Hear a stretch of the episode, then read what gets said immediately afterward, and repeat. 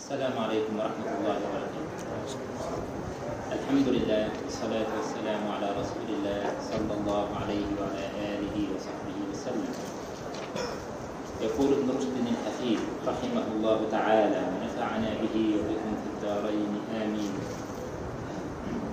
ومالك لم يشترط عليهم في العشر الواجب عنده نصابا ولا حولا.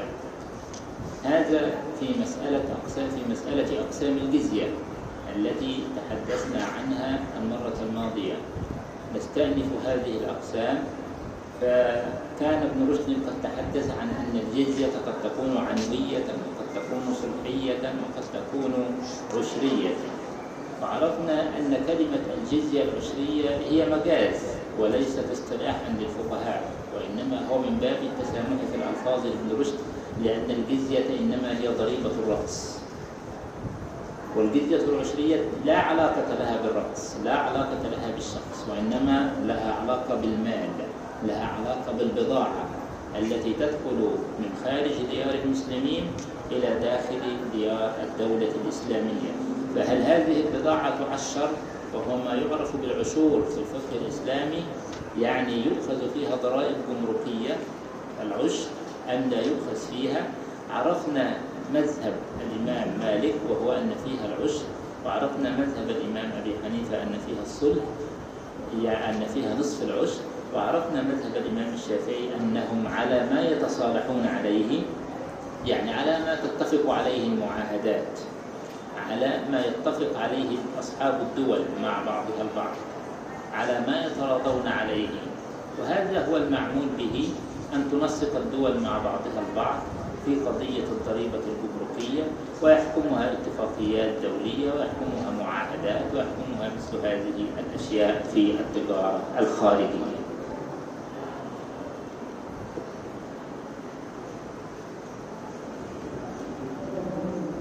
فنحن توقفنا مع هذا في نهاية هذه المسألة أو قرب نهايتها.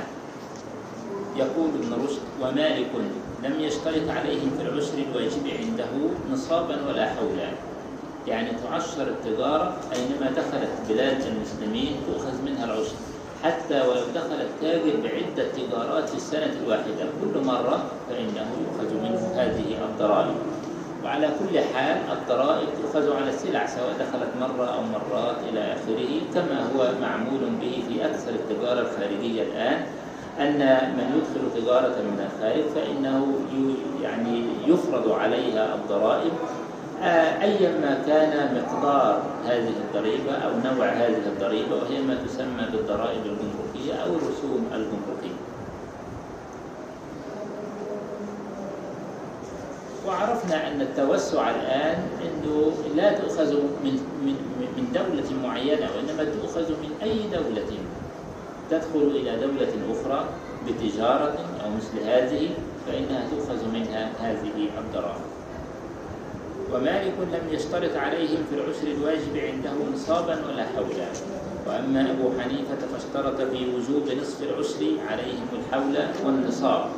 يعني الإمام أبو حنيفة عنده أنهم يؤخذ منهم نصف العشر في مرة واحدة فقط في العام. ولا بد أن يكون البضائع بالغة نصاب الزكاة وهو نصاب المسلمين نفسه المذكور في كتاب الزكاة.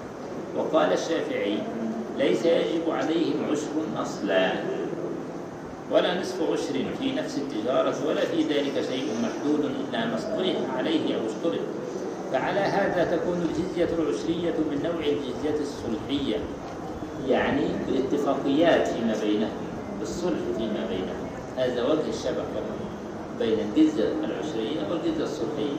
إنما في الحقيقة الجزية العشرية ليست بجزية.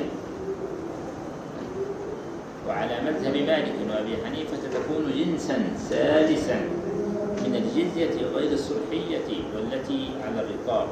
من الجزية غير الصلحية يعني من الجزية العنوية لأن في جزية عنوية والجزية على الرقاب والتي على الرقاب وهي أصل الجزية اللي هي على الرقاب سواء كانت صلحية أو كانت عنوية. وسبب اختلافه أنه لم يأتي في ذلك عن رسول الله صلى الله عليه وسلم سنة يرجع إليها وإنما ثبت أن عمر بن الخطاب رضي الله تعالى عنه فعل ذلك به. يعني عشر المحاربين عندما كانوا يدخلون بتجارة إلى ديار المسلمين. صحيح هذا مروي في الآثار عن سيدنا عمر رضي الله تعالى عنه. إنما لم يكن هذا أيام رسول الله صلى الله عليه وسلم ولم يرد فيه شيء أيام النبي صلى الله عليه وسلم. إذا هذا أمر معلوم بالاجتهاد وما دام أمرا معلوما بالاجتهاد وليس أمرا تعبديا كما ذكرنا فإنه يخضع للمصلحة التي تتغير باختلاف المكان واختلاف الزمان. فمن رأى أن فعل عمر هذا إنما فعله بأمر كان عنده في ذلك من رسول الله صلى الله عليه وسلم أوجب أن يكون ذلك سنته. وحتى لو فرضنا أن سيدنا عمر روى هذا عن رسول الله صلى الله عليه وسلم هل سينتهي الخلاف؟ لا ينتهي الخلاف لأن القضية هل هي أمر تعبدي أم أنه أمر معقول؟ المعنى خاضع للمصلحة التي تتغير. فإذا كان أمرا اتفقنا على أنه أمر معقول المعنى مع أنه عن رسول الله صلى الله عليه وسلم. فإنه فمعقوليته معناها أنه إذا لم يظهر المعنى الذي من أجله كان هذا الفرض أيام النبي صلى الله عليه وسلم فإنه لا بد أن يتغير الأمر. ومن رأى أن فعله هذا كان على وجه الشرط إذ لو كان على غير ذلك لذكره. قال ليس ذلك بسنة لازمة لهم إلا بالشرط. على وجه الشرط يعني على كان على وجه الاتفاق بين الدولة المسلمة الإسلامية وبين غيرها من الدول التي كانت تدخل البضائع إلى بلاد المسلمين. هذه هي مسألة الشرط اللي هي المراد بها الاتفاق أو الصلح على مقدار معين للرسوم الجمركية آنذاك. وحكى أبو عبيد في كتاب الأموال عن رجل من أصحاب النبي عليه الصلاة والسلام لا أذكر اسمه الآن أنه قيل له لما كنتم تأخذون العشر من مشرك العرب؟ فقال لأنهم كانوا يأخذون منا العشر إذا دخلنا إليه. وهذا كلام كان واضحا من الآثار. وكتاب أبو عبيد في الأموال مليء هو اسمه كتاب الأموال يعني متعلق بقضايا الأموال بقضايا مالية الدولة بقضية بقضايا الأموال العامة أو المالية العامة للدولة. سواء كانت الزكاة سواء كان الخراج سواء كانت الجزية سواء كانت العشور هذه كلها أموال إيرادات الدولة الإسلامية. فهو يعنى بهذه الأشياء. ومن الآثار الكثيرة التي يدل على أنه لماذا عشره المسلمون؟ لأنهم كانوا يعشرون المسلمين إذا دخل المسلمون إلى بلادهم. يعني من باب قضية آه، آه، الفرض بالمثل أو المعاملة بالمثل نعم كما في القانون الدولي. إن هم كانوا يعشرون المسلمين فإذا فالمسلمون فرضوا عليهم العشور لهذا قال الشافعي وأقل ما يجب أن يشارطوا عليه هو ما فرضه عمر رضي الله تعالى عنه وإن شرطوا على أكثر فحسن. قال وحكم الحربي إذا دخل بأمان حكم الذمي. الحربي إذا دخل بلاد الإسلام بالتأشيرة نسميه مستأمنا أو مستأمنا الاثنين صح اسم فاعل أو اسم مفعول. وعلى ذلك فإنه يعامل كالذمي في أن له حقوق المعاهد الذي لا يجوز قتله ولا قتاله ما لم يكن العهد ولا يجوز طرده ما دام في مدته التي صلح عليها أو التي استؤمن عليها في التأشيرة أو مثل هذه. إذا له الحقوق. حقوق المواطن الذمي موجودة له ما دام قد دخل دار الإسلام بأمان.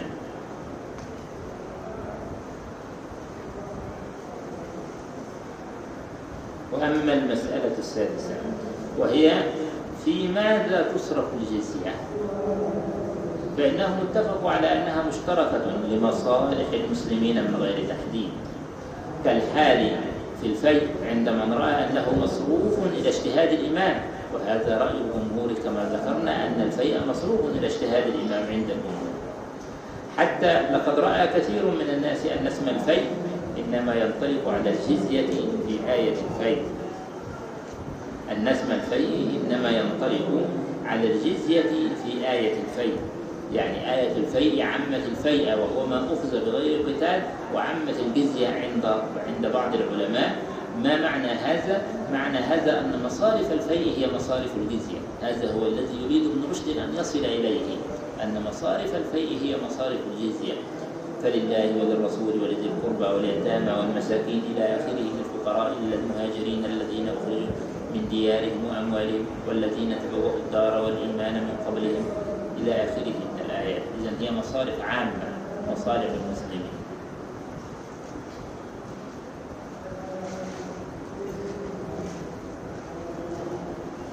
حتى لقد رأى كثير من الناس أن اسم الفيء إنما ينطلق على الجزية في آية الفيء. وإذا كان الأمر هكذا فالأموال الإسلامية ثلاثة أصناف صدقة وفيء وغنيمة. صدقة وفيء وغنيمة. وهذا القدر كاف في تحصيل قواعد هذا الكتاب والله الموفق للصواب. كتاب الأيمان. كتاب الأيمان. هذا الكتاب ينقسم أولا إلى جملتين. الجملة الأولى في معرفة ضروب الأيمان وأحكامها. الجملة الثانية في معرفة الأشياء الرافعة للأيمان اللازمة وأحكامها. الجملة الأولى وفيها ثلاثة أصول. الأول في معرفة الأيمان المباحة وتمييزها من غير المباح.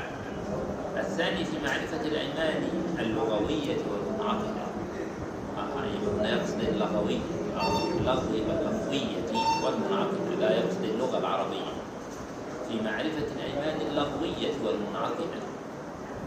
الثالث في معرفة الأيمان التي ترفعها الكفارة والتي لا ترفعها. الفصل الأول في معرفة الأيمان المباحة وتمييزها من غيرها. واتفق الجمهور على أن الأشياء منها ما يجوز في الشرع أن يقسم به ومنها ما لا يجوز أن يقسم به. واختلفوا أي الأشياء التي هي بهذه الصفة. فقال قوم إن الحلف المباح في الشرع هو الحلف بالله وأن الحالف بغير الله عاصم وقال قوم بل يجوز الحلف الحلف بكل معظم بالشرع. والذين قالوا إن الأيمان المباحة هي الأيمان بالله اتفقوا على إباحة الأيمان التي بأسمائه واختلفوا في الأيمان التي بصفاته وأفعاله. وسبب اختلافهم في الحلف بغير الله من الأشياء المعظمة بالشرع معارضة ظاهر الكتاب في ذلك للأثر وذلك أن الله تعالى قد أقسم في الكتاب بأشياء كثيرة مثل قوله تعالى والسماء والطارق وقوله تعالى والنجم إذا هوى إلى غير ذلك من الأقسام الواردة في القرآن. وثبت أن النبي عليه الصلاة والسلام قال إن الله ينهاكم أن تحلفوا بآبائكم من كان حالفا فليحلف بالله أو ليصمت. فمن جمع بين الأثر والكتاب بأن قال إن الأشياء الواردة في الكتاب المقسوم بها فيها محذوف وهو الله تبارك وتعالى وأن التقدير ورب النجم ورب السماء. قال الأيمان المباحة هي الحلف بالله فقط. ومن جمع بينه بأن المقصود بالحديث إنما هو أن لا يعظم من لم يعظم الشرع. بدليل قوله فيه إن الله ينهاكم أن تحلفوا بآبائكم وأن هذا من باب الخاص يريد به العام. أجاز الحلف بكل معظم في الشرع. ومن جمع بينهما بأن المقصود بالحديث إنما هو ألا يعظم من لم يعظم الشرع بدليل قوله فيه إن الله ينهاكم أن تحلفوا بآبائكم وأن هذا من باب الخاص به العام أجاز الحلف بكل معظم في الشرع. فإذا سبب اختلافهم هو اختلافهم في بناء الآي والحديث. يعني في فهم في استنباط الحكم من الآي والحديث في بناء اللي هو الفهم الاستنباطي من الآية والحديث. وأما من منع الحليف بصفات الله وبأفعاله فضعيف. وسبب اقتصار اختلافهم هل يقتصر بالحديث على ما جاء من تعليق الحكم فيه بالاسم فقط؟ أو يعدى إلى الصفات والأفعال. لكن تعليق الحكم في الحديث بالاسم فقط جمود كثير وهو أشبه بمذهب أهل الظاهر وإن كان مرويا في المذهب وإن كان مرويا في مذهب الإمام مالك. هذا ما يقصده ابن رشد وهو أشهب أشبه بمذهب أهل الظاهر وإن كان مرويا في المذهب أي في مذهب مالك. حكاه اللخمي عن محمد بن النواس وشذت فرقة فمنعت اليمين بالله عز وجل. والحديث نص في مخالفة هذا المذهب. نعم. معرفة الأيمان المباحة وتمييزها عن غيرها. ما الذي يباح لك أن تقسم به؟ وما الذي لا يباح. قد اتفقوا على أن القسم بغير الله سبحانه وتعالى القسم بغير الله سبحانه وتعالى هو مشروع بالإجماع. قضية أن هناك من شذ ورأى أنه لا يقسم بالله عز وجل. هذا يعني لم أجده لأحد بهذا الشكل. والله تعالى أعلم. إنما الإجماع قائم على أنه يجوز القسم بالله سبحانه وتعالى فالقسم بالله تعالى مشروع وهو أعظم القسم. ثم اختلفوا فيما دون ذلك. اختلفوا فيما دون ذلك. هل يجوز القسم بصفات الله عز وجل؟ بقدرة الله سبحانه وتعالى بحياة الله بكلام الله؟ ماذا لو قلت وحياة الله يعني إحنا عندنا في مصر يقولوا وحياة ربنا. يعني ده قسم ولا ليس بقسم. وعلى هذا سائر صفات الله عز وجل. من الكلام مخالفة للحوادث قيام بالنفس والوحدانية إلى آخره سبحانه دي مسألة. هل يجوز الحلف بالقرآن؟ دي مسألة. هل يجوز الحلف بالمصحف؟ وده أيضا مشهور عندنا بالمصحف هل يجوز القسم بكل ما عظمه الشرع حتى ولو لم يكن من صفات الله ولا يمد إلى صفات الله تعالى؟ بصلة مباشرة أو غير مباشرة. وإن كان معظما في الشرع كالكعبة. إحنا عندنا أيضا في مصر مشهور يقول لك الكعبة. هل هذا القسم بمعنى أنه من حلف به فحنث تكون عليه كفارة؟ أم لا؟ كل هذه أنواع من الأقسام هي محل اختلاف بين العلماء هو في البداية تحدث عن قاعدة أن الحلف المباح في الشرع هو الحلف بالله خلاص هذا اتفاق واختلفوا في الأيمان التي بصفاته وأفعاله. هل يجوز أن أنت تقول كلام الله وحياة الله سبحانه وتعالى إلى آخره؟ قال هناك قوم أجازوا وفي الحقيقة جمهور الفقهاء على الجواز من المذاهب الأربعة أنه يجوز القسم بصفات الله عز وجل. فصفات الله تعالى قديمة.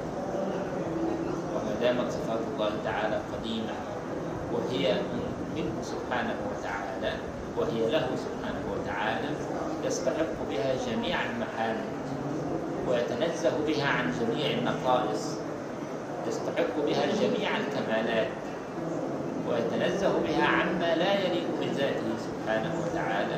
إذا يجوز بها القسم فهذا محل قول جمهور الفقهاء من الأئمة الأربعة. ثم يحكي ابن رشد سبب الخلاف في هذه المسألة. وهو آه هو يعني قال اتفقوا على إباحة الأيمان التي بأسمائه واختلفوا في الأيمان التي بصفاته وأفعاله. ثم ترك المسألة إلى هنا. وقال وسبب اختلافهم في الحلف بغير الله من الأشياء المعظمة بالشرع. إذا هو كأنه ترك قضية الصفات لأن قضية الصفات هي يعني جزء من الأشياء المعظمة بالشرع وليست كلا فالأشياء المعظمة بالشرع يدخل فيها الصفات ويدخل فيها الكعبة. يدخل فيها كل ما عظمه الله سبحانه وتعالى. فإذا هي ليست محصورة ما عظمه الشرع ليست محصورة في قضية صفات الله. وإنما صفات الله عز وجل كما قلنا هي تابعة لله عز وجل. كما أن اسمه وذاته سبحانه وتعالى ذاته سبحانه وتعالى متحققة بهذه الصفات. إذا لا تنفك هذه الصفات عن ذاته تعالى. إنما هي الإشكالية ليست في قضية الصفات إنما في قضية الأشياء أخرى المعظمة بالشرع. ماذا لو حلف بها الإنسان؟ هنا بدأ الخلاف القوي بين الفقهاء. هل يجوز الحلف بالأشياء المعظمة في الشرع؟ قالوا البعض يجيز هذا. بناء على أن الله تعالى أقسم بكثير من الأشياء. والله تعالى لا يقسم إلا بما عظمه تعالى كقوله تعالى والنجم إذا هوى وقوله تعالى والسماء والطارق وقوله تعالى والفجر وليالي العشر لا أقسم بيوم القيامة طبعا أي أقسم بيوم القيامة. هذه كلها أنواع من القسم وهي بالأشياء المعظمة في الشرع. هل يجوز بها القسم؟ الجمهور على أنه لا يجوز. الجمهور على أنه لا يجوز بها القسم. وأن التأويل في هذه كما ذكره ابن رشد ورب السماء ورب النجم إلى آخره. إنما كون بالإضافة إلى أن من الذي يقسم بهذه الأشياء؟ هو الله عز وجل. والله عز وجل له ما ليس لنا سبحانه وتعالى. فالقضية أبدا ليست في قسم الله إنما القضية في قسم البشر. هكذا يرى جمهور الفقهاء الذين يرون أنه لا يجوز القسم بما هو بغير الله وبغير صفاته حتى ولو كان معظما في الشرع. والذين يرون الجواز الحنفية يرون جواز القسم بما هو معظم في الشرع. والحنفية تناولوا هذه الأشياء ما دمنا نتحدث عما هو معظم فالخلاف بينهم واسع في الكتب في المذهب. لكن على كل حال القاعدة يكادون يتفقون عليها وهي أنه يجوز القسم بما هو معظم في الشرع وفي نفس الوقت يعظمه الناس. ما معنى يعظمه الناس؟ أن له جلل وخطر في نفوس الناس. بمعنى أنهم يمتنعون غالبا عن القسم بهذه الأشياء إذا كانوا كاذبين. لأن اليمين مانعة. يفترض أن تمنع الإنسان عن الكذب أن تمنع الإنسان عن الغلط والانحراف. هذا أصل اليمين. وبالتالي إذا كان هذا الذي عظمه الشرع يعظمه الناس أيضا إذا هم يخافون منه. وعلى هذا فإنه يجوز القسم بهذه الأشياء ويترتب عليها الكفارة عند الحنفية.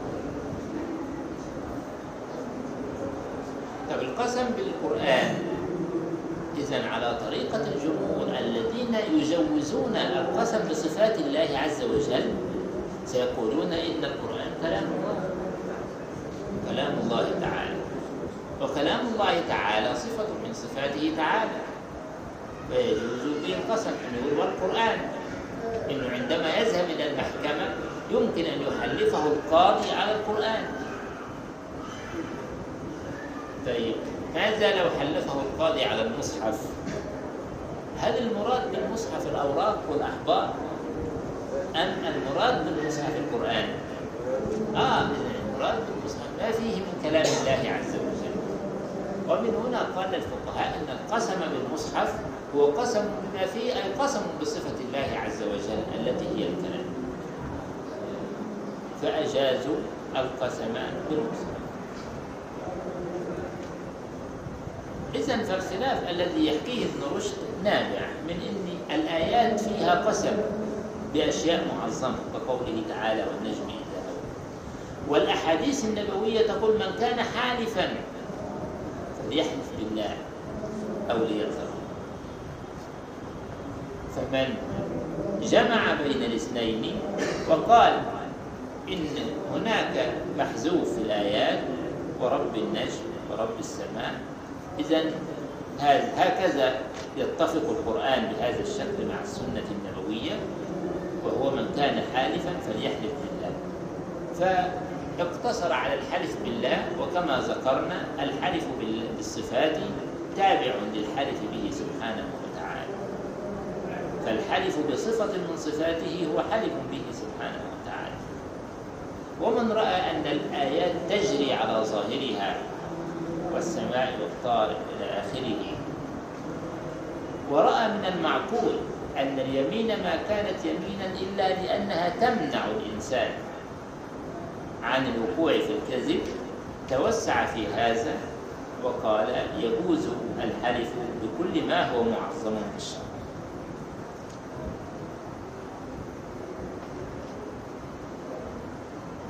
وهذا يؤيده كثير من النصوص في ظاهرها مثل الرجل الذي جاء إلى النبي صلى الله عليه وسلم وبعدما صار قد أفلح وأبيه. قال النبي أفلح وأبيه. يعني أقسم بأبي الرجل. ونعم وأبيك. النبي عليه الصلاة والسلام يقول هذا نعم وأبيك. وهو قسم. يعني ما هو القسم تبر أبيك فهذه كانت أدلة أيضا مع القرآن الكريم والنجم إذا هوى لمن يرى أنه يجوز القسم بما هو معظم بالشرع.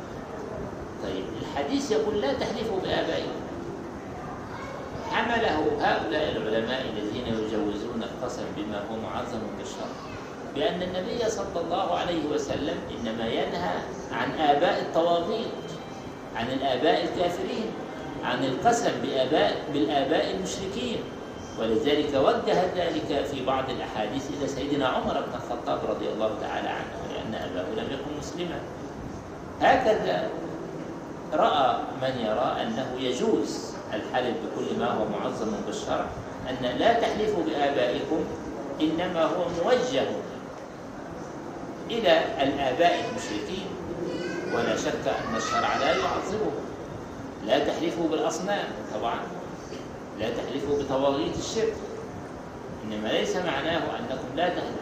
طبعا ذهبوا إلى هذا جمعا بين النصوص أن هناك من أن النبي صلى الله عليه وسلم نفسه حلف بآباء بعض الناس وهكذا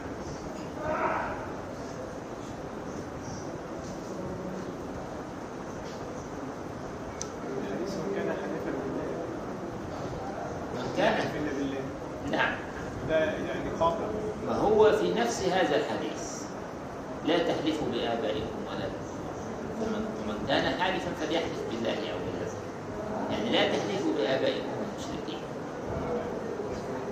وبالتالي إذا كنت ستحلف بأبيك المشرك فهذا منهي عنه إذا فاحلف بالله هذا معنى الكلام الذي رآه هذا الفريق الذي يرى جواز الحلف بكل ما هو معظم بالشرع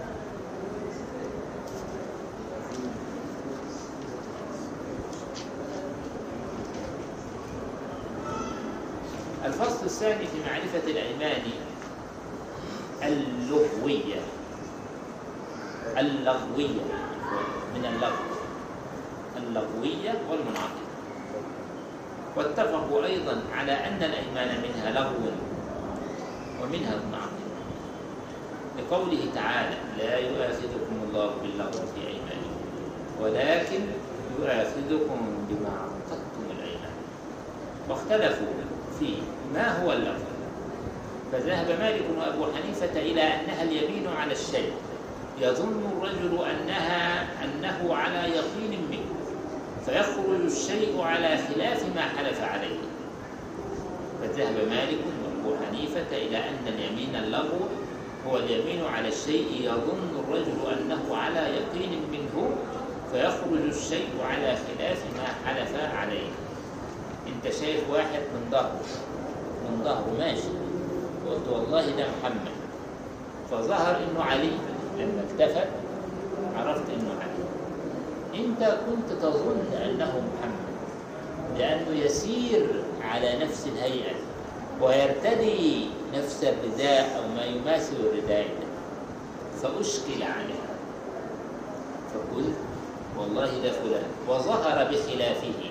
فالإمام مالك والإمام أبو حنيفة يقولون هكذا يمين اللغو أن يحلف الإنسان على شيء يظنه كما قال فيظهر بخلافه. هذا هو اليمين اللغو فأنت من الممكن أنك يشكل عليك والله الجامع الفلاني في المكان الفلاني. ثم يثبت لك خلاف العكس. لأنك أنت لما حلفت تحلف على ما في ذهنك متأكد أنه في المكان الفلاني. فيظهر أنه بخلافه. فهذا يسمى يمين له لا يؤاخذه الله له في إيمانه إذا يمين اللغو كما ترى على شيء كأنه في الماضي. الشيء الفلاني في المكان الفلاني. والله هذا فلان. كأنه فلان في الماضي وفي الحاضر.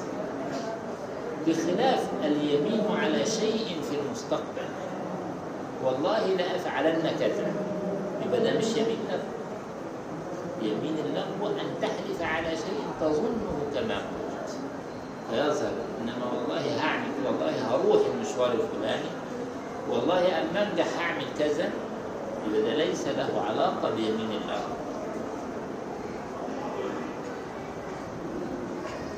وقال الشافعي لغو اليمين ما لم تنعقد عليه النية. يعني ما لم يكن مقصودا. لغو اليمين لغو اسمه لغو ضد المنعقدة ما لم تنعقد عليه يعني ما لم يكن مقصودا. إحنا عندنا في مصر طبعا الحلف ده مشهور. كل كلمتين ثلاثة ممكن يحلف بس طبعا نفرق بين المنعقدة وغير المنعقدة إحنا لا نقرهم عن أيمانهم الخاطئة. إنما نقول إن في مندوحة في اللغو بمعنى إنه مثلا من عادة المصريين إن أنت تقول له اتفضل كل يقول لك لا والله أنا مش جعان. ممكن يكون جعان. لا والله أنا لسه واكل. لا والله مش عارف إيه. فدي أشياء يقول لك هي من يمين اللغو ليه؟ لأنه لم ي... لم لا هو ليس مقصودا اليمين. إنما اليمين خارج عنه بصوره تلقائيه مش واخد باله لذلك أنت لو كلمته قلت له أنت حلفت يقول لك أنا إيه يعني إزاي حلفت؟ يستغرب إن هو حلف لأنه هو مش في ذهنه إنه بيحلف. فهذا هو ما ما يراه الإمام الشافعي أنه يمين اللغو اذا أصبح عندك صورتين أساسيتين للفقهاء في يمين اللغو الصورة الأولانية التي ذكرها الإمام مالك والإمام أبو حنيفة أن يحلف على شيء يظنه أنه كما قال لا يظهر بخلافه والشيء الثاني أنه ما لم تنعقد عليه النية يعني ما لم يكن مقصودا للإنسان لدرجة أنه مش منتبه أنه هو حلف قال الشافعي لفظ اليمين ما لم تنعقد عليه النية. مثل ما جرت به العادة من قول الرجل في أثناء المخاطبة لا والله لا بالله. مما يجري على الألسنة بالعادة من غير أن يعتقد لزومه طبعا الإمام الشافعي نزل مصر. نزل مصر عمل المذهب الجديد ورأى المصريين. مما يجري على الألسنة بالعادة من غير أن يعتقد لزومه وهذا القول رواه مالك في الموطأ عن عائشة. والقول الأول مروي عن الحسن بن أبي الحسن وقتادة ومجاهد وإبراهيم النخعي وفيه قول ثالث وهو أن يحلف الرجل وهو غضبان. وبه قال إسماعيل القاضي من أصحاب مالك. طبعا هذا ليس رأي الأئمة الأربعة إنما هو كما قال وبه قال إسماعيل القاضي من أصحاب مالك. أن يحلف الرجل وهو غضبان. يعني كأنه لا طلاق في إغلاق وكذلك لا يمين في إغلاق. طبعا قضية الغضب التي يتحدث عنها هو الغضب أيضا الذي لا يعقل معه الإنسان ماذا قال مش أي غضب. ده الذي يقول به إسماعيل القاضي إنه من باب يمين الأرض.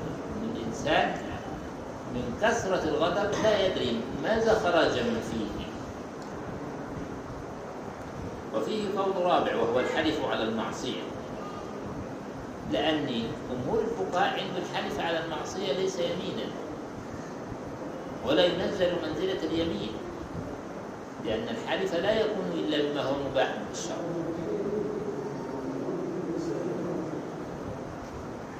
يعني واحد حلف أن يعصي الله عز وجل هل يعصيه؟ هل عليه كفارة؟ الجمهور ليست عليه كفارة لأنه لا حلف في معصية الله كما جاء في يندرج تحت هو يعني ممكن له هو هذا قول إنه يقول إنه يمين اللغو هو الحلف على المعصية. قول لكنه خارج عن الأئمة الأربعة. لكن الجمهور يقولون إنه هو ليس بقسم ولا كفاره فيه مع أنهم لم يدرجوه في اللغو ليس بقسم ولا كفاره فيه مع أنهم لم يدرجوه في كتبهم في اللغو وإنما جعلوه قسما أو قسيما للأيمان وهو مجازي وهو الحلف على المعصية.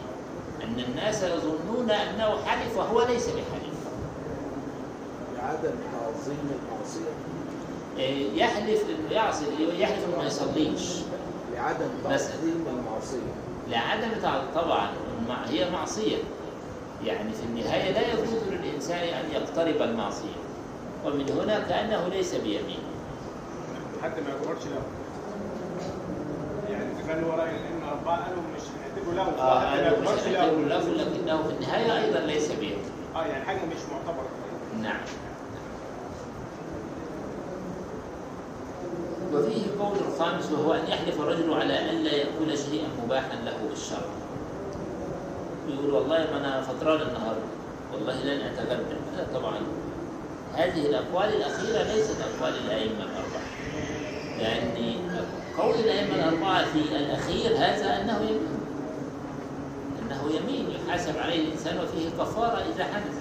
قال والله لا أتغدى اليوم. ثم أكل. فيه الكفارة هذا رأي الأئمة الأربعة هكذا. لأنه أساس الحلف أصلا هو على المباح وأساس انعقاد اليمين هو على ال... إنما واحد قال والله لا صلي النهاردة. أمال هو مش عايز يصلي؟ طبيعي إنما قضية اليمين في الأساس إنما هي في المباح والسبب في اختلافهم في ذلك هو الاشتراك الذي في اسم اللغو. وذلك أن اللغو قد يكون الكلام الباطل مثل قوله تعالى والغوا فيه لعلكم تغلبون. يعني مثل الكلام معصية الكلام الباطل. لا تسمعوا الكافرين كما حكى عنهم القرآن يقول لا تسمعوا لهذا القرآن والغوا فيه لعلكم تغلبون.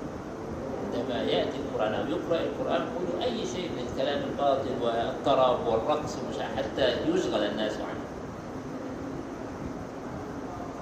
وقد يكون الكلام الذي لا تنعقد عليه نية المتكلم. قال الإمام الشافعي.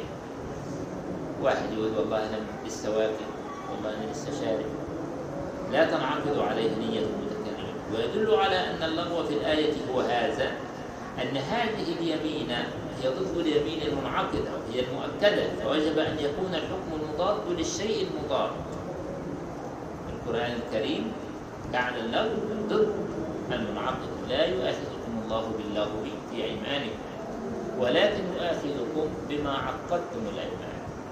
فإذا كان عقدتم الأيمان معناها قصدتموها عقدتم عليها النية وجاء القرآن بأن اللغو مقابل للمنعقدة لا يؤاخذكم الله باللغو ولكن يؤاخذكم بما عقدتم. إذا فيفهم من المنعقدة التي تنعقد عليها النية التي هي مقصودة أن اللغو ليس مقصودا. هذا هو رأي الإمام الشافعي أنه ما دامت المنعقدة مقصودة إذا يكون اللغو ليس مقصودا. ويدل على أن اللغو في الآية هو هذا أن هذه اليمين هي ضد اليمين المنعقدة وهي مؤكدة فوجب أن يكون الحكم المضاد للشيء المضاد. والذين قالوا إن اللغو هو الحلف في إغلاق أو الحلف على ما يوجب الشرع فيه شيئا بحسب ما يعتقد في ذلك قوله. اللغو هو الحلف في إغلاق ده رأي الذين يقولون إن اللغو هو يمين الغضب. اليمين عند الغضب عندما يغضب الإنسان بحيث لا يدري ماذا قال هو ده معنى الحلف في إغلاق إغلاق يعني أغلق ذهنه. حلف وهو لا يقصد العمل بل إنك إذا سألته يقول يعني لا أدري ماذا قلت والذين قالوا إن اللغو هو الحلف في إغلاق أو الحلف على ما يوجب الشرع فيه شيئا. بحسب الثاني الحلف على ما لا يوجب الشرع فيه شيئا يعني على المباح. أو الحلف على ما لا يوجب الشرع فيه شيئا. بحسب ما يعتقد في ذلك قوم فإنما ذهبوا إلى أن اللغو ها هنا يدل على معنى عرفي في الشرع وهو الأيمان التي بين الشرع في مواضع أخرى سقوط حكمها. مثل ما روي أنه لا طلاق في إطلاق كذلك لا يمين في إطلاق. وما أشبه ذلك الإطلاق اللي هو الغرض لكن الأظهر هما القولان الأولان. وهو قول الأئمة الأربعة حصروه. إما فيما قاله الإمام مالك وأبو حنيفة أنه يحلف على شيء يظنه كما قال فيظهر بخلافه وإما ما لم ينعقد عليه اليمين وهو قول الإمام الشافعي ما لم تنعقد عليه النية يعني ما ليس المقصود. أعني قول مالك والشافعي. الفصل السادس في معرفة الأيمان التي ترفعها الكفارة والتي لا ترفعها؟ الرأيين جاءت بهما الآثار الاثنين. سواء آه رأي لكن الإمام مين الراي اصح؟ الاثنين صحيحين. يعني ولذلك أنا في البداية قلت هذه صورة وهذه صورة. يعني يمكن أن نجمع بين الرأيين في مثل هذا. لا مانع أبدا أن اليمين له يكون له أكثر من صورة. آه صورة ما ذكر الإمام مالك وأبو حنيفة هذه صورة لليمين اللغو الصورة الثانية لليمين اللغو هو ما قاله الإمام الشافعي.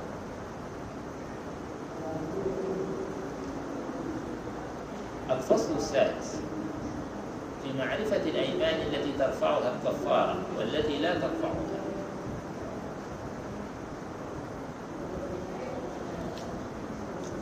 وهذا الفصل أربع مسائل. المسألة الأولى اختلفوا في الأيمان بالله المنعقدة هل يرفع جميعها الكفارة؟ سواء أكان حلفا على شيء ماض أنه كان فلم يكن؟ وهي التي تعرف باليمين الغموس وذلك إذا تعمد الكذب. لابد من هذا القيد في اليمين الغموس لأنه إذا لم تتعمد الكذب فعرفنا أنها هي اليمين اللغو على رأي الإمام حنيفة ومالك تقول والله ده فلان. والله الحاجة دي أنا وضعتها في المكان الفلاني وأنت تظن بالفعل أنت وضعتها في المكان الفلاني. هذا يمين لغو إنما ماذا لو أنت متعمد الكذب؟ خلاص. انعقدت عليها نية الكذب صارت مقصودة بالكذب فتكون يمينا غموسا.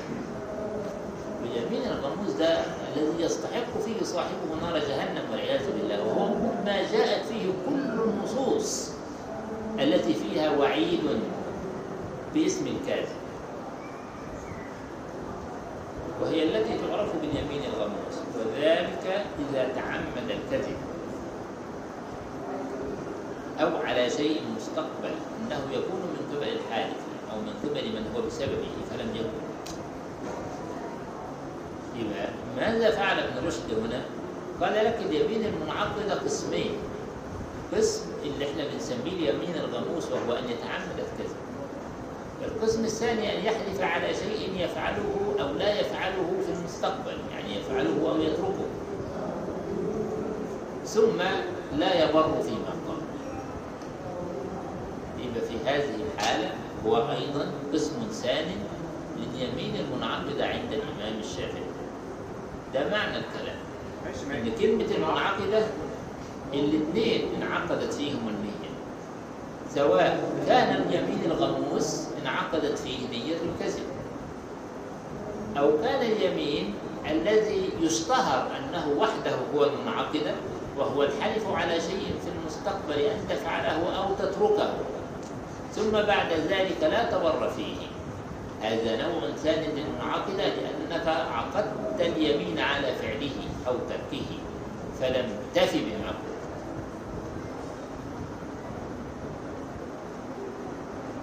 أو على شيء مستقبل كما ذكرنا أنه يكون من قبل الحالف أو من قبل من هو بسببه فلم يكن.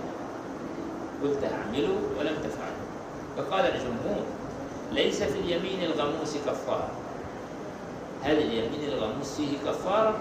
الجمهور على أنه لا كفارة فيه. وهو القسم الأول من اليمين المنعقدة عند الإمام الشافعي لكنه عند الإمام الشافعي فيه كفارة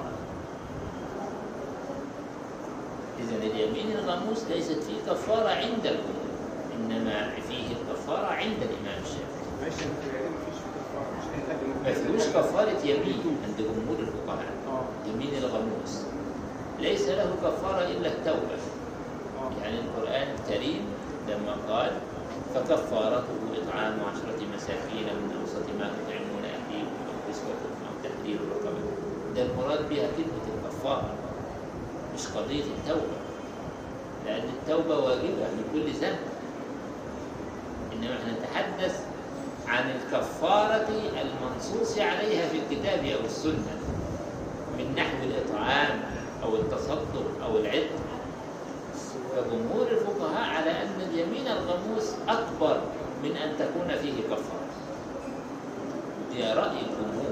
هو أكبر وأعظم إثما من أن تكون فيه كفارة يمين فلا كفارة فيه إلا التوبة الصادقة والتوبة الصادقة لا يعلمها إلا الله تعالى هو الذي يطلع على قلب العبد.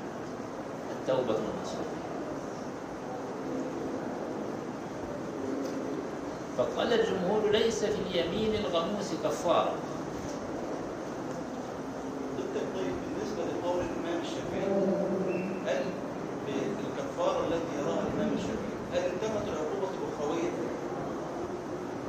الكفارة التي يراها الإمام الشافعي ده نقدر ن- نعممه على كل الكفارات هل الإنسان إذا فعل الكفارة تنتفي العقوبة الأخروية؟ ده وقع فيه الحقيقة الخلاف والجمهور على أنه نعم. الجمهور على أن ال- ال- العقوبة الأخروية تنتفي بالكفارة لكن الظاهرية على أنه لا. لا تنتفي العقوبة الأخروية كما يرى الظاهرية إلا بالتوبة الصادقة.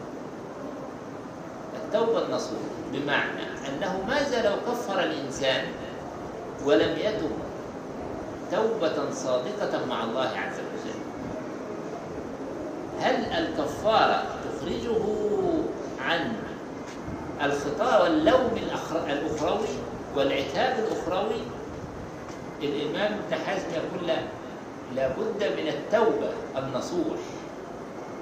الذين يتوبون إلى الله متابا يبقى كلمة التوبة لا تصادم قضية الكفارة الإنسان يكفر نعم لكنه مخاطب ومعاقب إن لم يتب توبة صادقة إلى الله عز وجل. إلا الذين تابوا وآمنوا وعملوا الصالحات.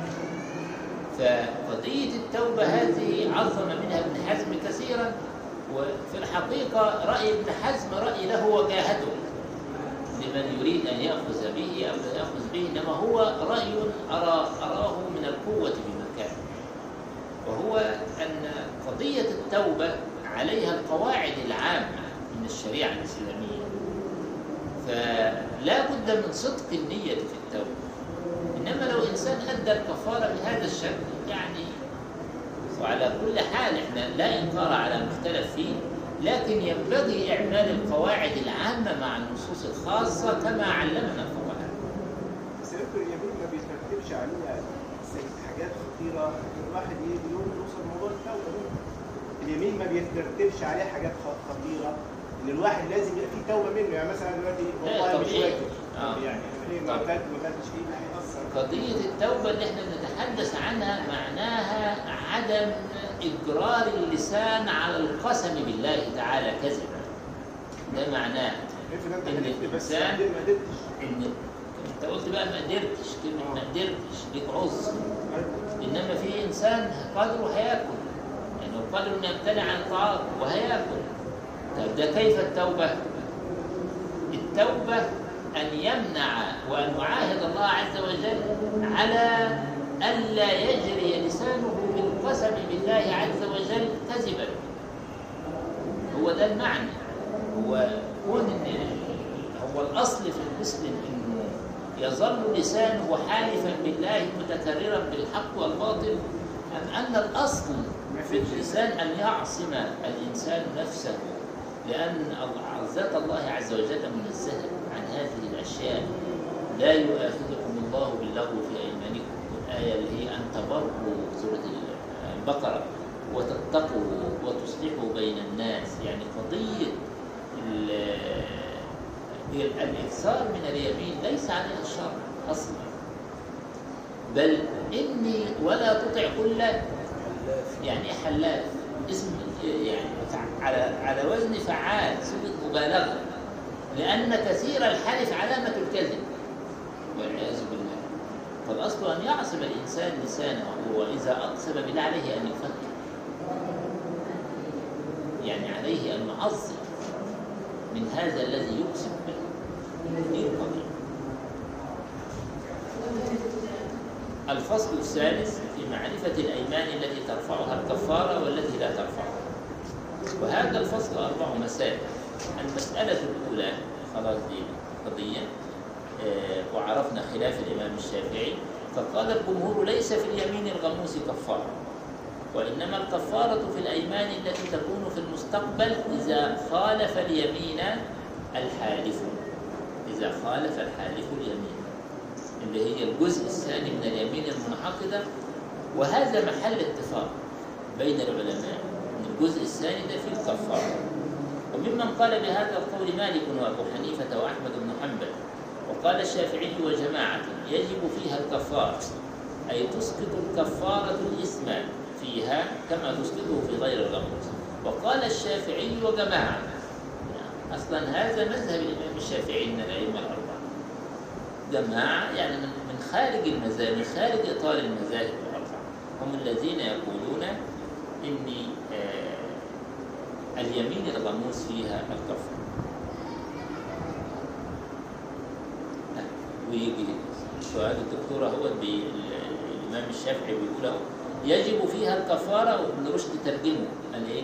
أي تسقط الكفارة الإثم فيها كما تسقطه في غير الغموس.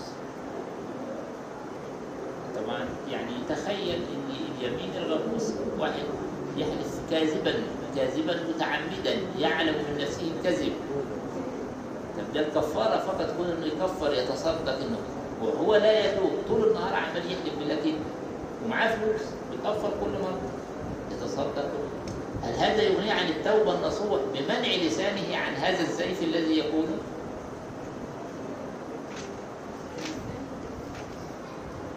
وسبب اختلافهم معارضة عموم الكتاب للأثر وذلك أن قوله تعالى ولكن يؤاخذكم بما عقدتم الأيمان فكفارته إطعام عشرة مساكين. الآية توجب أن يكون في اليمين الغموس كفارة لكونها من الأيمان المنعقدة ده وجهة نظر الإمام الشافعي رحمه الله عندما استدل. أي القرآن قال ولكن يؤاخذكم بما عقدتم الأيمان فكفارته. طب ما تفسير عقدتم عند الإمام الشافعي الاثنين؟ ولذلك أوجب في القاموس الكفارة لهذا. لأن لا كلمة عقدتم تشمل الاثنين. تشمل اليمين الكاذبة الذي يتعمد فيها الإنسان الكذب بأنه انعقد عليها نية الكذب ويشمل اليمين التي يريد الإنسان أن يفعل فيها شيئا في المستقبل أو يتركه ثم لا يفعل لأنه أيضا انعقدت عليها نية. ومن هنا قال إن الكفارة تشمل القسمين. وقوله عليه الصلاة والسلام من اقتطع حق امرئ مسلم بيمينه حرم الله عليه الجنة وأوجب له النار. يوجب أن اليمين الغموس ليس فيها كفارة لماذا؟ لأن الحديث ما فيهوش من اقتطع حق امرئ مسلم بيمينه حرم الله عليه الجنة وأوجب له النار. ولكن الشافعية يعني هذا معنى الكلام هو ابن رشد بيقول في تعارض للأثر مع القرآن. فالأثر بيقول إن مفيش كفارة اللي هو الحديث والقرآن بيقول إن في كفارة. إحنا نريد إن إحنا نقول شيء وهي مسألة يعني عرفنا تفسير الإمام الشافعي للآية كيف كان. لكن هل هذا التفسير هو تفسير الجمهور؟ لا. الجمهور بيقول إن الآية جاءت بيمينين بس. الثالث ما ذكرهوش قالت لا يؤاخذكم الله باللغو في أيمانكم ولكن يؤخذكم بما عقدتم الأيمان اللي هو اليمين على شيء يفعله في المستقبل أو يتركه ثم لا يقوى. بس الثالث اللي هو الغموس سكتت عنه الايه طب فين؟ ناخده منين الغموس؟ ناخده من السنة مثل هذا النص ونصوص كثيرة من اقتطع حق امرئ مسلم بيمينه حرم الله عليه الجنة وأوجب له.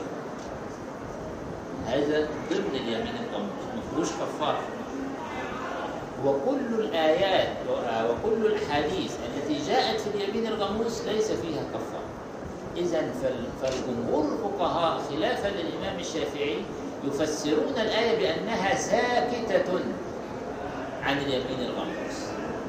فالغموس مسكوت عنه مأخوذ من السنة. والسنة النبوية لم تأتي فيه بكفارة. إذا لا كفارة. ولكن للشافعي أن يستثني من الأيمان الغموس ما لا يقتطع بها حق الغير.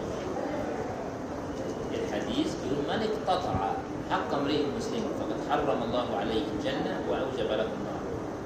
فابن رشد بيع- بيعلق على كلام الإمام الشافعي. فبيقول للشافعي أن يستثني من الأيمان الغموس ما لا يقتطع بها حق الغير وهو الذي ورد فيه النص. ما لا يقتطع به حق الغير اللي هو اليمين المنعقدة عند الجمهور أن يحلف على شيء في المستقبل أن يفعله أو لا. فابن رشد بيقول للشافعي إنه يستثني من اليمين الغموس المنعقدة المعروفة عند جمهور الفقهاء فبالتالي لا يكون المعروفة عند جمهور الفقهاء هي التي يكون فيها الكفار. إنما الغموس يأخذها من هذا الحديث وبالتالي لا يكون في الغموس الكفار. أو يقول إن الأيمان التي يقتطع بها حق الغير قد جمعت الظلم والحنس أو يقول الإمام الشافعي الأيمان التي يقتطع بها حق الغير يقصد بها الظلم يعني الغموس والحنس يعني يقصد بها اليمين المنعقدة عند الجمهور. فوجب ألا تكون الكفارة تهدم الأمرين جميعا. إذا كان اليمين الغموس نشط بيعقب على الإمام الشافعي بيعلق على كلامه بيقول الأيمان التي يقتطع بها الغير حق الغير إذا شملت الاثنين فوجب ألا تكون الكفارة تهدم الأمرين. الكفارة مش هتمشي مع الاثنين. ليه مش هتمشي مع الاثنين؟ لأن الحديث اللي فيه الظلم ما فيهوش كفارة. فوجب ألا تهدم الكفارة الأمرين يا شافعي. يبقى المفترض إن أنت كنت تستثني اليمين الغموس من الكفارة. أو العكس. أو ليس يمكن فيها أن تهدم الحنس دون الظلم. لأن رفع الحنس بالكفاره إنما هو من باب التوبة وليس تتبعض التوبة في الذنب الواحد بعينه. فإذ فإن تاب ورد المظلمة وكفر سقط عنه جميع الإثم. وإما أن نقول بالطريقة الثانية أو ليس يمكن فيها أن تهدم الحنس. لا يمكن أن أن الكفارة تهدم الحنس. ولو قلنا أن الكفارة لن تهدم الحنس يبقى هنقف أمام النص القرآني اللي جاء بالكفارة. يبقى معنى ذلك أنه ينبغي أن نفرق بين اليمين على شيء في المستقبل وبين اليمين الغموس الذي يتعمد فيه الإنسان الكذب ده الذي يقصده ابن رشد. وهذا يوحي بترجيح ابن رشد في المسألة إن ابن رشد يريد أن يرجح رأي جمهور الفقهاء من أن اليمين المنعقدة هي غير اليمين الغموس اليمين المنعقدة هي الحلف على شيء في المستقبل هي التي إذا لم يفعله الإنسان فيه الكفارة. إنما اليمين الغموس ليس فيها هذه الكفارة وإنما فيها الاستغفار والتوبة النصوح ورد الموضوع. رد الموضوع نعم. لما ذهب إليه جمهور الفقهاء. المسألة الثانية. وبعدين لو حلف على حاجة كاتبا بس هي مش هتضر حد اللي يعتبر غموس هتضر أو مش هتضر ليس هذا هو نظر الشارع. آه يعني قصدي الغموس هي لازم إنما نظر الشارع أن يؤدب الشرع الإنسان. لا أنا قصدي لئلا يحلف بالله كذبا. آه. هي ده الهدف من قضية الكفارة أو قضية الاستغفار والتوبة كما في اليمين والغموس هو تأديب الإنسان على أنه قد تجرأ. على قسم على القسم بالله العلي القدير كذبا سواء ضر بغيرها أو لم يضر بغيرها المسألة الثانية واختلف العلماء في من قال أنا كافر بالله أو مشرك بالله أو يهودي أو نصراني. إن فعلت كذا. ثم أفعل ذلك. هل عليه كفارة أم لا؟ فقال مالك والشافعي ليس عليه كفارة ولا هذه يمين. وقال أبو حنيفة هو يمين وعليه فيها الكفارة إذا خالف اليمين وهو قول أحمد بن حنبل أيضا وسبب اختلافها واختلافهم في هل يجوز اليمين بكل ما له حرمة أم ليس يجوز إلا بالله فقط ثم إن وقعت فهل تنعقد أو لا؟ فمن رأى أن الأيمان المنعقدة أعني التي هي بصيغ القسم إنما هي الأيمان الواقعة بالله عز وجل وبأسمائه قال لا كفارة فيها إذ ليست بيمين. ومن رأى أن الأيمان تنعقد بكل ما عظم الشرع حرمته قال فيها كفارة لأن الحلف بالتعظيم كالحلف بترك التعظيم. وذلك أنه كما يجب التعظيم يجب ألا يترك التعظيم. فكما أن من حلف بوجوب حق الله عليه لزمه كذلك من حلف بترك وجوبه لزمه طبعا المسألة دي مؤسسة على ما ذكرنا في البداية من الخلاف بين الفقهاء في هل الحلف بكل ما هو معظم في الشرع يسمى حلفا وتجب فيه الكفارة إذا حدث فيه الإنسان أم لا؟ فذكرنا أن الذين توسعوا في هذا هم الحنفية أنهم يرون الحلف بكل ما هو معظم في الشرع. وضربنا مثال على الكعبة يقولوا الكعبة يعتبر يمينا عند الحنفية. أن الكعبة مما عظمه الشرع طيب هنا بيأتي بمثال شبيه بهذا. واحد وده مشهور عند بعض إخواننا المصريين يقول لك أنا مسيحي لو عملت مش عارف إيه. أو أنا كذا أنا طيب أنا كافر لو كذا لو فعلت كذا. هل هذا يعد يمينا بمعنى أنه لو فعل فإنه يحنث وعليه كفارة اليمين المنعقدة المذكورة في الآية؟ أم أصلا لا يعد يمينا طبعا جمهور الفقهاء لا يرون هذا يمينا بل أدخلوا قائل هذا في الكفر والعياذ بالله إن اعتقد هذا.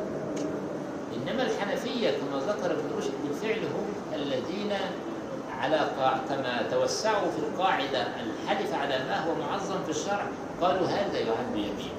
وقالوا هذا كما ذكرنا أيضا في بداية المحاضرة لأنهم يرون أن اليمين هو كل ما يمنع الإنسان عن الوقوع في الإنس يعني كل ما يعظم الإنسان حرمته حتى لا يقع في الكذب ولذلك أنت حتى في القانون يقول لك طب الجماعة ال- غير المسلمين هيحلفوا أمام القاضي ولا مش هيحلفوا؟ ولو حلفوا يحلفوا بإيه؟ طب البوذي ده يحلف بإيه مثلا؟ هو هو هيحلف ما كله هيحلف. لأنه واقف أمام المحكمة.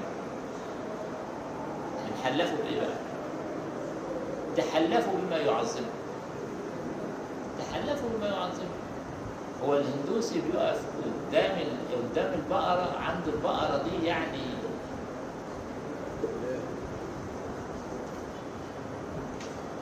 يعني يا ريت الناس تعظم ربنا سبحانه وتعالى. يعني زي ما الناس دي بتعظم البقرة. لكن للأسف الشديد يعني. فأنت هتحلفوا بالله افترض إنك هتحلفوا بالله. هو عنده أنت ما بتحلفوش بحاجة. لما تحلفوا بالله سبحانه وتعالى الذات العليا أنت ما بتحلفوش. طب هي اليمين ليه؟ ليه هي يمين؟ لأنها مانعة. إذا لم يأتي المقصود منها والغرض إذا لم تتحقق المصالح ولم تدرأ المفاسد. والشرع إنما جاء لتحقيق المصلحة ودرء المفسدة. الشرع كله قائم على هذا كما يقول العز بن عبد السلام في قواعد الأحكام في مصالح الانام فهو ده الأصل. فإذا لم يأتي اليمين اكل بالله سبحانه وتعالى حلفوا بالله برضه. فهو عنده هذا هو المعظم خلاص حلفوا بالبقر لأن هو عنده ده يعني شيء لا يكاد يكذب فيه. فالحنفية من هذا المنطلق يقولوا الكلام ده. يقولوا الحلف يكون بكل ما هو معظم. طبعا بالنسبة لنا إحنا معظم في الشرع. بالنسبة له هو معظم في في ديانته واليمين مانعة. مانعة من ماذا؟ سميت يمينا لأنها تمنع من الكذب فكلمة أما واحد يقول أنا كافر لو فعلت أو يهودي لو فعلت هو يرى أن هذه يعظم هذا يعظم الشرك. يعظم ترك الإسلام إلى الشرك.